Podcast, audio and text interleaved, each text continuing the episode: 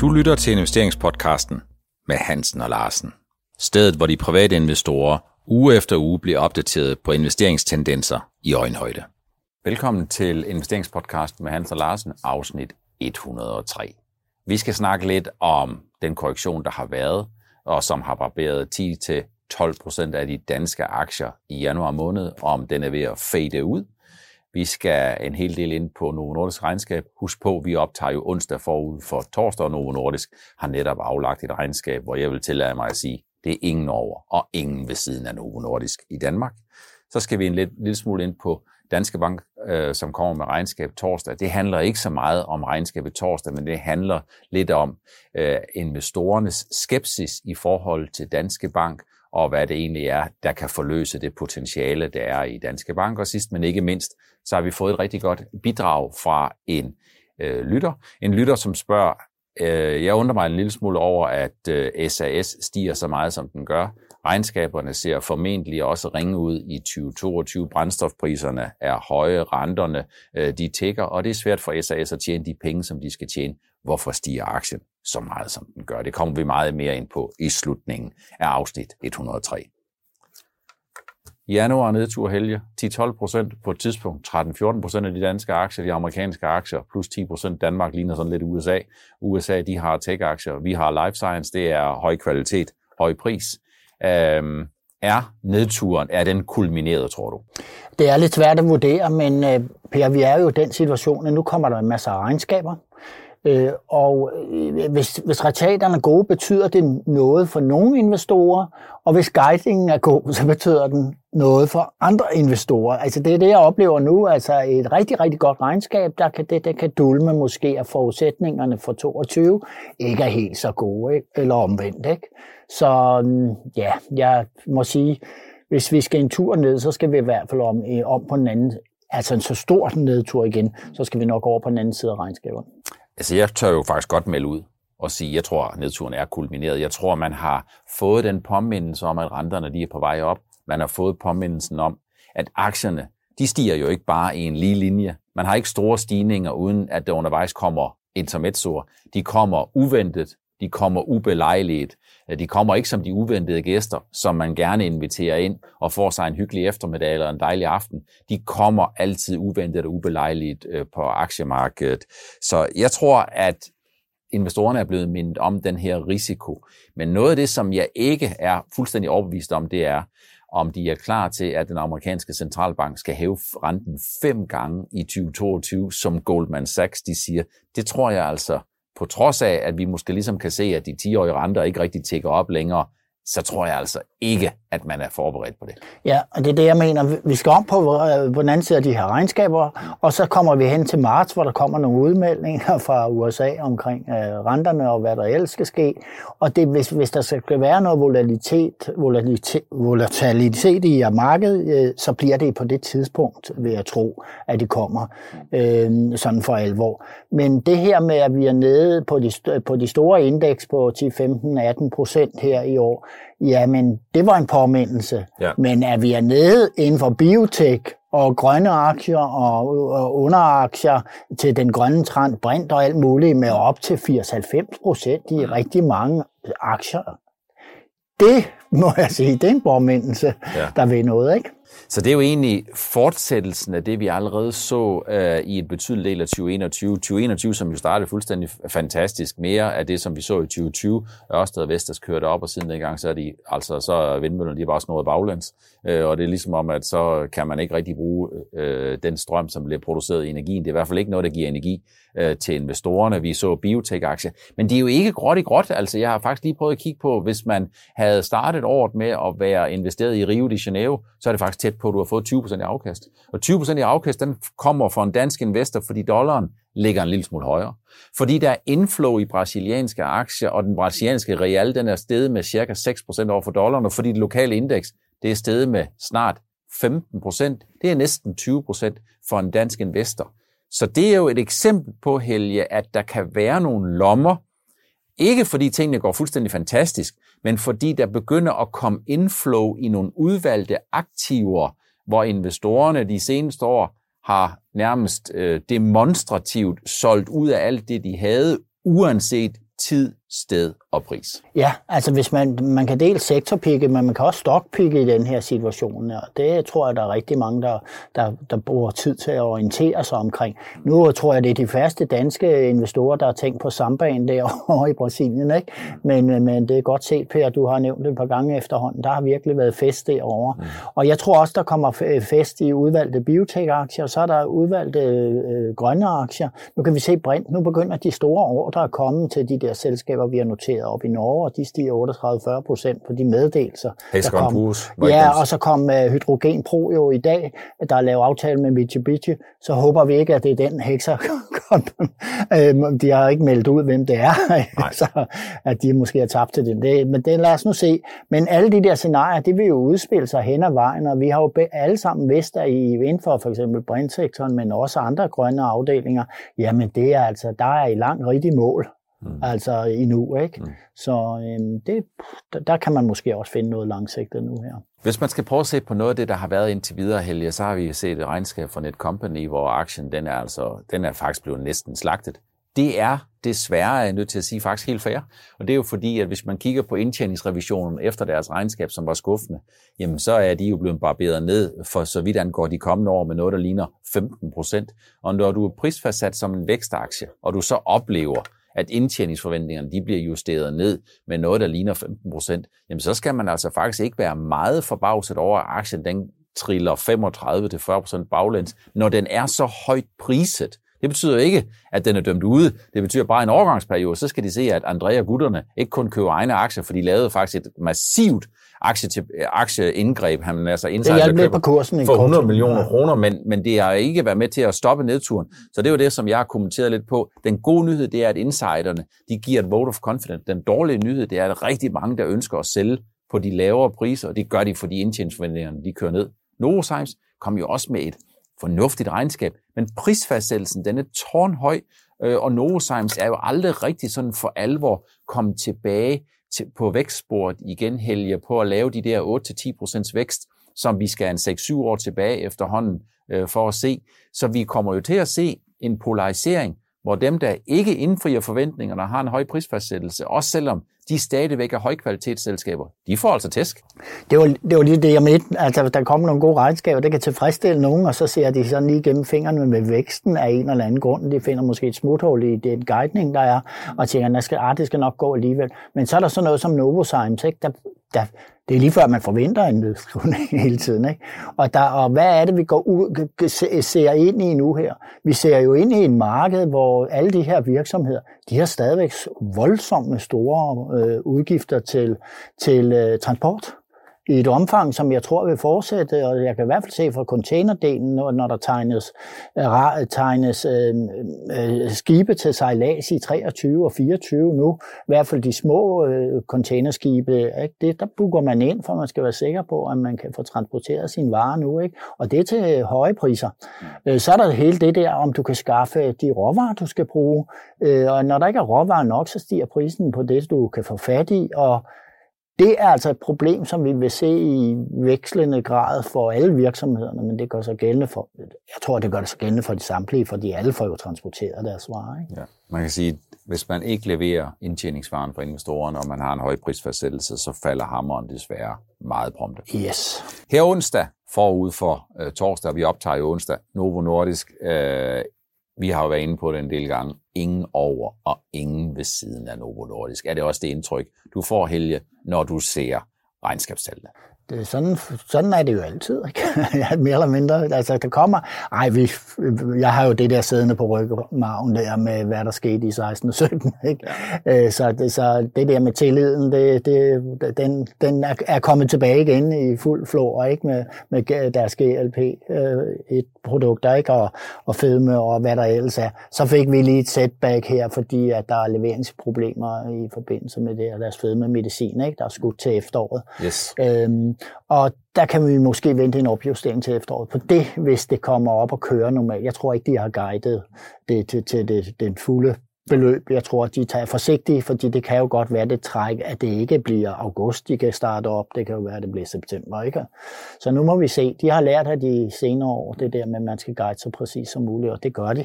Og de ligger i den høje ende af konsensus. Så overordnet set, Helge, så må man sige, det er vel et regnskab, der beroliger investorerne efter, at aktien, efter den har ramt 750 eller 760, lige pludselig 20% baglæns, fordi der, når det er sådan, at man er price to perfection, og man lige har 70 friske procent i afkastbenene, jamen så er det sådan, så er der altså ikke plads til selv for Novo Nordisk at komme ud og være en lille smule vaklen i gelederne med hensyn til den fremadrettede indtjeningsforventning og indtjeningsudvikling. Men noget af det, de jo specifikt siger, det er Vegovi, fedme, øh, underleverandøren, good manufacturing process, det har vi været lidt inde på, at øh, så vidt de ved, så er det on track til at være løst i løbet af første halvår. En ting, vi lige skal tænke på, det så vi også i det her regnskab, det var jo øh, væksten i, i dollar. Altså, øh, de har dollarkursen med sig. Ikke imod sig, tror jeg, i 22. Nej. Altså, når renterne stiger, det har vi snakket om før, jamen så er der jo mulighed for, at dollaren stiger over for kronen, for eksempel. Ikke?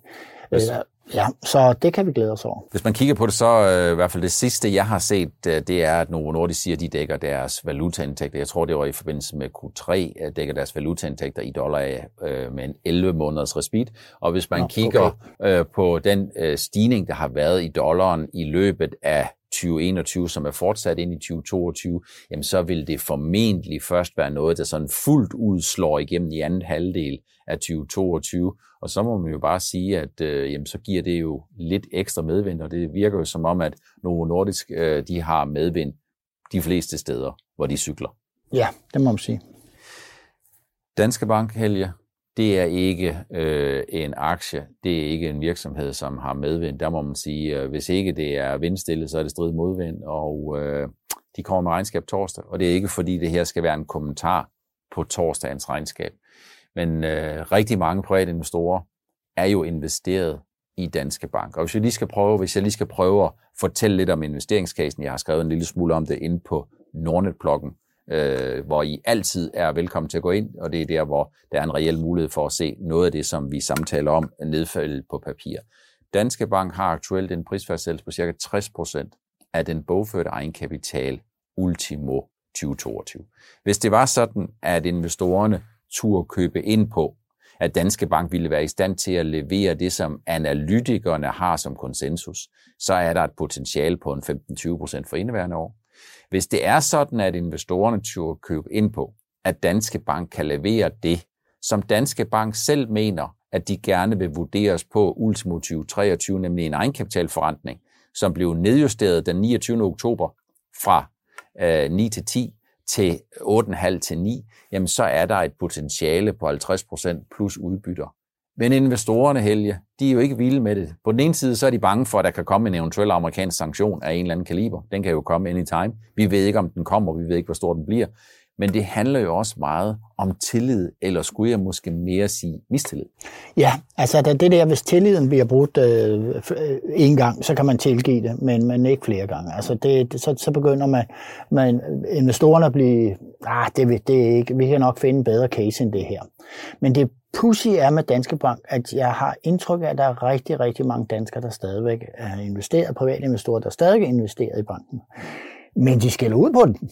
Altså, jeg kan jo se på, jeg har sådan en Danske Bank aktionær Facebook-gruppe, og der, der, der bliver altså skældt ud og talt højt, ja. at nu kommer der ikke noget igen, eller noget, det må vi ikke håbe, og det kunne ligne dem, og sådan, sådan i den dur kører det. Så har de jo også skiftet lidt øh, personal ud i toppen, øh, sådan ret hurtigt ind imellem, ikke? Og så øh, tilliden er ikke god til at øh, fremadrette, altså indtil videre.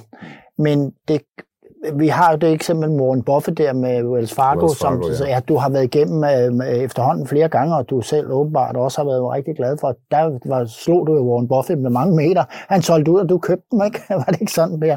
Jo. Og der var det, at... Øh, at han var blevet træt af det. Mm. Øh, og selvom de performer godt efterfølgende, jamen, så tror jeg ikke, han vil røre den med en ildtang. Men jeg tror, at danske investorer gerne vil have Danske Bank, når de i en længere periode har, har vist, at de kan godt uden at lave ulykker. Mm. Og du har, bare lige for at præcisere det, Warren Buffett, jeg synes, han gør det fuldstændig fantastisk. Ja. Uh, det, så min idé, det var jo ligesom at sige, at når du har en stor amerikansk bank, og Wells Fargo er jo en af de rigtig store, og du har en, der bliver prisfastsat til 50 procent af den bogførte egenkapital, så svarer det til, at investorerne kun er villige til at betale øh, svarende til, at man kan forrente egenkapital med 5%. Og hvis man kun kan forrente sin egenkapital med 5% over en længere periode, jamen så vil man ikke være i stand til at tiltrække hverken risikovillig fremmed eller egenkapital, hvis man kommer ind i en stor nedtur og stor krise. Og det var min pointe, at det var ikke den rigtige pris for Wells Fargo, og der var ikke i da, på daværende tidspunkt, da jeg begyndte at snakke om den, og I kan læse mere om det, øh, søg under øh, Tak for pengene Warren øh, 1 og 2 øh, inde på Nordnet-bloggen. Det var ikke for at skose Warren Buffett, det var faktisk bare for at give et eksempel på et, banker, store banker og forsikringsselskaber, de bliver prisfastsat efter deres evne til at kunne lave egenkapitalforretning. Og punkt to, når man kommer ind i en situation, hvor der bare sker det, at man mister tilliden til noget, jamen så er det sådan, ligesom du siger, Helge, jamen så er det faktisk sådan, at man bare kapitulerer, og uanset hvad der så kommer, så er man faktisk ligeglad, for man ønsker ikke at være involveret med flere af de udfordringer, der er, når der på investeringsmarkedet er så mange muligheder. Ja, der er masser af muligheder. Der er også mange banker at vælge mellem øh, øh, så i, Skandinavien, hvis det er det, man er til. Ikke? Og øh, man må jo forvente, at bankerne får en vis medvind, medvind i takt med renterne stiger. Mm. Nu når vi er ved renterne, Helge, så er det jo sådan, at jeg har jeg kunne ligesom fuldt en lille smule med i, at nu begynder man at indprise, at det er faktisk sådan, at ECB de kommer til at hæve renten i, jeg tror det var oktober november måned 2022. Det tror jeg altså ikke på. Hvad tror du?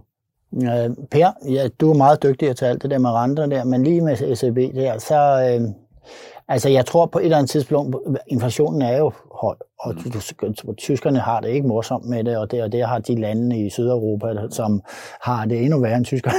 Ja. det har de heller ikke. Så jeg tror, der skal gøres noget ved det, men det der med, at du, du foreslår det her tidspunkt øh, i det sidste kvartal, øh, det har jeg faktisk ikke nogen rigtig mening om. Jeg tror, at øh, hvis rentestignerne begynder at komme i Europa, så, kommer de, så bliver det et 2023-fænomen. Det må, vi jo, det må du holde mig op på, og hvorvidt øh, det viste sig at være korrekt, eller det jeg ikke kunne følge det billede. Vi har fået et øh, rigtig godt øh, spørgsmål, et rigtig godt bidrag fra en øh, lytter, og husk, hvis I har noget, som øh, I har opfattelsen af, kan bredes ud til så mange som muligt, om så meget som muligt, så er I meget velkommen til at skrive til investeringspodcasten snabel af nordnet.dk. Jeg ser også samtidig nogle kommentarer på Facebook, det er jo meget velkommen til at komme med, men hvis det skal have en mulighed for, øh, og at jeg skal kigge på, om det er noget, vi har muligheden for at tage med, så tag det med ind under øh, investeringspodcasten snabel af nordnet.dk, fordi øh, det er lidt svært at holde overblikket over, hvor mange gode forslag, der kommer rigtig mange forskellige steder. Og der er øh, en lytter her, som siger, hmm, jeg forstår ikke rigtigt, SAS, den aktien, den flyver, den er jo 1,22, 23 eller noget af den stil, den er steget meget voldsomt i år. Energipriserne er høje, øh, der er vel stadigvæk meget stor usikkerhed omkring SAS' øh, fremtid, hvordan de kommer til at positionere sig. Kommer vi til at se Ryanair som masser yderligere frem. Ryanair siger, at her fra sommer, der kommer de til at give den fuld gas igen øh, og de har meldt om, at de, de første måneder af året, de bliver svære.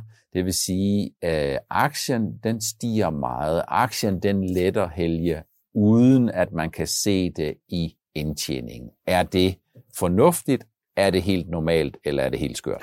Altså i relation til, at man har en fornemmelse af, at covid er på retur, på grund af, at vi har fået en mild variant, som giver os en immunitet, og der bliver åbnet op i alverdens lande, og vi nu skal rejse mere og flyve mere og alt det der. Det er sådan det, der er oppe i de investorers hoved, som, øh, som øh, køber aktien op i højere luftlag. Det er jeg helt overbevist om. Der er ikke noget, øh, altså, det, det, det, det, SAS er jo voldsomt udfordret, og de brændstofpriser her, de, Ja, de, øh, SAS skulle jo ikke lave overskud, da de var mindre, og vi ikke havde covid, så, så det kan jeg, jeg, jeg har svært ved at se det. Og vi har også snakket før om det, der kommer nok et tidspunkt, det skulle have penge igen, og det puha. Man kan sige, at øh, SAS havde jo underskud i, så vidt jeg husker, hvert kvartal i 2020. De havde underskud i hvert kvartal i 2021. De får forhåbentlig ikke underskud i hvert kvartal i 2022, for hvis de gør det, jamen så er der en risiko for, at de kommer ud og skal bede ejerne. Det er jo den danske stat, det er den svenske stat, og det er de private investorer, og det er Wallenberg-familien i alvæsenet, så skal man bede om øh, yderligere penge. Men jeg tror jo, det her det er lidt business as usual, nemlig at hvis vi skruer tiden et par år tilbage, så skulle SAS, de skulle hente nogle nye penge. De skulle sælge nye aktier til kurs, så vidt jeg husker, 0,382 i en lang periode, mens emissionen kørte, der var der to forskellige priser på den samme vare, basically. Du havde en pris på den oprindelige, originale SAS-aktie, som lå en kroner 30, 40, 50, 60, og så havde du forventningerne om, at den nye aktie ville blive prisfastsat på et helt andet niveau, fordi der skulle mange dobles antal af aktier, der skulle sælges. Så skete der det, at vi kørte hen mod slutningen af perioden, så skulle pri, aktien den skulle så prisfastsættes efter den nye aktie. Der kom mange nye aktier i spil. Der var nogen, der havde fået byttet deres gældsfordringer om med aktier, fordi det var en del af rekapitaliseringen. Så gik aktien ikke kun fra 1,5 ned i 83, så gik den ned 0,55. Og nu ligger vi så i 1,22. Og det, jeg ønsker at sige hermed, det er, prisfastsættelsen af SAS, den er sådan set altid forkert. Ja, det har han jo været i mange år, altså det, det må man sige. Og på en eller anden måde, så overlever de her darlings altså på aktiemarkedet, fordi at det, og, de, og når jeg kalder dem darlings, det er fordi, at, at at, at de er af en eller anden grund, at de er sådan meget let på, altså det, investoren lader sig let påvirke af tendenser i tiden, og det er lige præcis det her med, øh, med, med covid og restriktioner skal ophæve, så, går, så ser man kommentatorer og analytikere over en bred kamp, øh, ja, nu skal I høre, hvad der, hvad, hvad, hvad der, hvilke typer sektorer, der profiterer på, på alle de restriktioner væk. Det er blandt andet luftfart. Altså, det går de ud og siger, jamen det er fint, og så har de øh, jo alle mulige andre producenter af varer, sådan noget som øh, over i den anden side, og det, de kan måske få det sværere. Ikke? Øh, og det er jo helt klart det, der er påvirket, fordi øh, SAS er jo ikke den eneste luftfartsaktie, der er sted. Mm. Jeg så, at øh, nu er der nogle islænger, der prøver igen. Det er ikke så mange år siden, at Wow Air gik ned. Der var ikke meget wow over dem. Øh, men nu vil de til at flyve til USA igen, øh, og de, der kan man flyve via Reykjavik så kan man flyve videre øh, til USA, og det er noget, der starter sådan ved en 1000 kroner for en øh, inkbillet til New York, plus øh, lidt bagage og lidt forage undervejs, lidt øh, bespisning.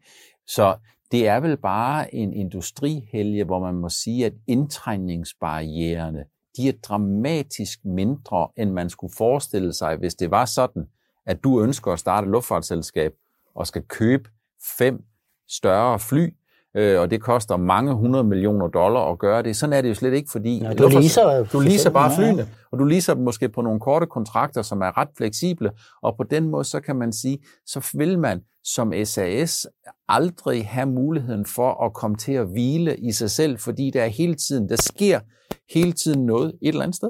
Ja, og du kan se for SAS' vedkommende, så tror jeg heller ikke, Norwegian er, er, de holder sig ikke tilbage. Altså konkurrencen er benhammerne hård. Mm. Og jeg vil sige, at øh, hvis jeg som skulle være investor i det her, så skulle det jo være en dag, jeg havde nogle fridage, sådan, så jeg kunne spekulere lidt i de nyheder, der kommer omkring luftfartsselskab, men ikke noget som helst, hverken mellem- eller langsigtet.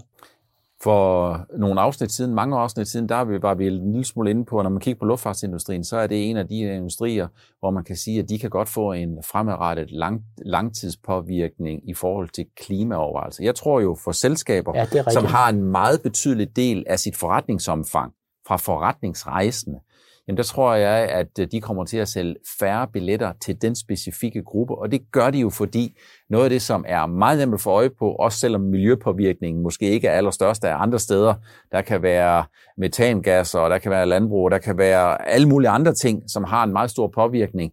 Men luftfart, det er meget nemt at se, det er meget nemt at finde ud af, hvor meget har du fløjet, øh, og hvor meget, hvor meget CO2 er du så ansvarlig for, også selvom det måske er en lidt subtil måde at se tingene på. Så jeg tror da, at noget af det, som investorerne måske har glemt, det er, at øh, direktøren i SAS jo har sagt, at vi skal forberede os på en situation, hvor konkurrence ikke bliver mindre, og hvor vi får flere forretningsrejsende. Ja, det er fuldstændig rigtigt, og det er jo også fordi, at, at man laver en politik i virksomheder nu, godt hjulpet af, at man har opdaget alle det digitale, de digitale muligheder for at holde møder, ikke? og instruere og lave service på ting. Ikke? Det kan man jo gøre over computerne i dag.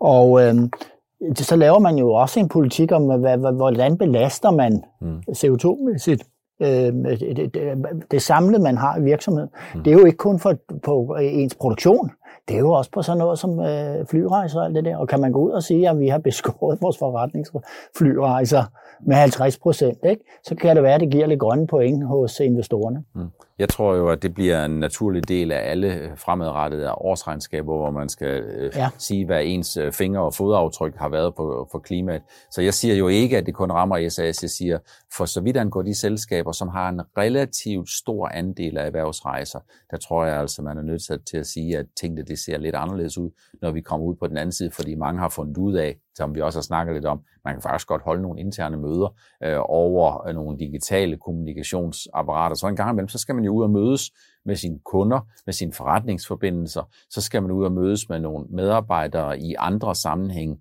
men en betydelig del af det, som var god latin med hensyn til transport før covid-19 og før en stigende klimabevidsthed, det tror jeg, det falder bort. Ja, og så vil jeg så gerne have vendt tilbage til det med serviceelementet. Det er virkelig noget, jeg hører mange virksomheder, at det siger, jamen nu, vi laver bare sådan en YouTube-video, og så lægger vi den sådan, så vores kunder de kan anvende den. Og det gør vi i meget større omfang, og jeg har mødtes med nogle selskaber, som, for, for, for, som eksporterede meget til Australien, mm. øh, øh, maskindel og alt sådan noget. Jamen, de, de klarer det hele på computer, og det, gamle dage havde de altså folk udstationeret, det behøver det ikke mere. Mm. Det var det, vi har valgt at tage med i afsnit 103 af investeringspodcasten med Hansen og Larsen om korrektionskommentarer til den nedtur, som har bidt hårdt på mange investorer i januar måned, om endnu et rigtig godt og rigtig solidt Novo Nordisk regnskab, som positionerer selskabet til at være ingen over og ingen ved siden af, om Danske Banks strukturelle udfordringer med hensyn til at overbevise investorerne om, at de langsigtet vil kunne levere et væsentligt højere niveau på egenkapitalforretning, og sidst men ikke mindst, SAS er det humlebien, som flyver, også på aktiemarkedet, også selvom forudsætningerne for den burde kunne gøre det ikke er de rette. Tak fordi I følger med. Tak fordi I var med i afsnit 103. Vi ses i næste uge. Du lyttede til investeringspodcasten med Hansen og Larsen. Vi ses igen i næste uge.